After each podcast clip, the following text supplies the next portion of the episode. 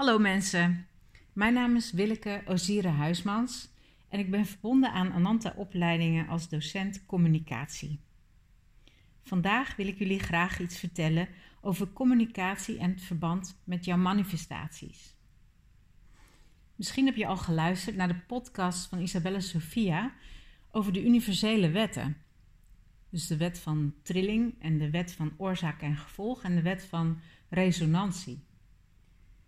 Kennis van deze wetten kunnen enorm helpend zijn bij het manifesteren van jouw wensen en verlangens. Maar bij het manifesteren neem je natuurlijk ook altijd jezelf mee. En wanneer er in verbinding met jezelf, eh, de communicatie met jezelf en de ander, ruis is, of storingen, dan brengt dat ook ruis mee in jouw manifestaties.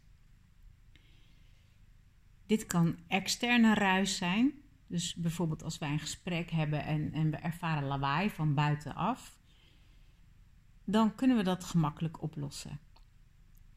De ruis kan ook intern zijn. Dus dat betekent dat het op fysiek niveau is, op geestelijk niveau of op emotioneel niveau. En dat is een stuk lastiger op te lossen. En om dat verder uit te leggen, geef ik je eerst de definitie van, uh, van communicatie. Communicatie is namelijk een proces tussen minimaal twee personen waarbij informatie, boodschappen en meningen of gevoelens worden uitgewisseld. Informatie wordt deels bewust, deels onbewust gegeven, ontvangen en geïnterpreteerd. Nou, en dat onbewuste stuk, dat zorgt vaak voor de storingen. En die storing die speelt aan beide kanten mee, dus zowel bij de zender als de ontvanger van een boodschap in de communicatie. En dat is een heel interessant gegeven, want wanneer onbewust ruis in de communicatie is naar onszelf en de ander, praten we langs elkaar heen, interpreteren we de boodschap allebei anders, we zien en horen elkaar niet meer, we verliezen de verbinding met onszelf en met de ander. En onze boodschap krijgt dus geen gemeenschappelijke betekenis. En als het al niet duidelijk is in de verbinding met onszelf en de ander, wordt het ook buiten ons niet duidelijk. En manifesteer je ongewild ook met ruis, zo binnen en zo buiten. Bij Ananta noemen we het samenspel van bewuste en onbewuste factoren energetische communicatie. En om je nog wat beter beeld te geven over energetische communicatie, zou je jezelf eh, kunnen voorstellen als een boom. Dus misschien heb je een dikke stam of een dunne stam. Je hebt uh, wortels tot diep in de grond en takken en blaadjes. En al jouw positieve en negatieve ervaringen die je als mens in je leven of in vorige levens hebt opgedaan, zijn opgeslagen in deze boom. Sommige ervaringen liggen aan de oppervlakte, bij de blaadjes. Laat je graag zien aan anderen en zien anderen ook bij jou. En sommige van ons laten wat meer het achterste van de tong zien en laten de mensen kijken tussen de takken. En daarmee schemeren we onze informatie door de blaadjes heen. Er is ook informatie die bij ons onbewust is en die anderen wel zien, dus onze blinde vlekken.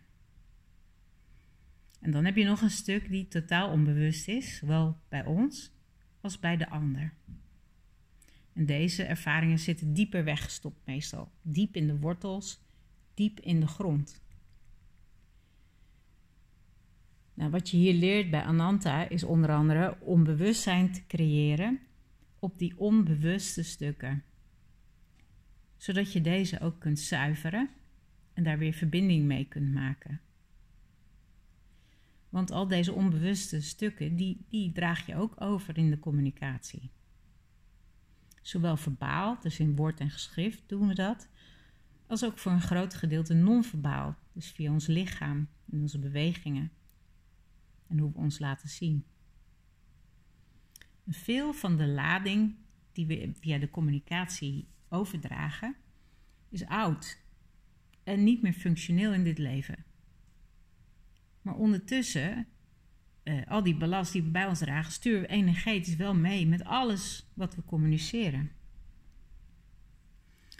Nou, om, om je een voorbeeld te geven van mezelf, is uh, tijdens het begin van mijn opleiding ontdekte ik dat ik het heel eng vond om anderen te vertellen wat mij persoonlijk bezighield.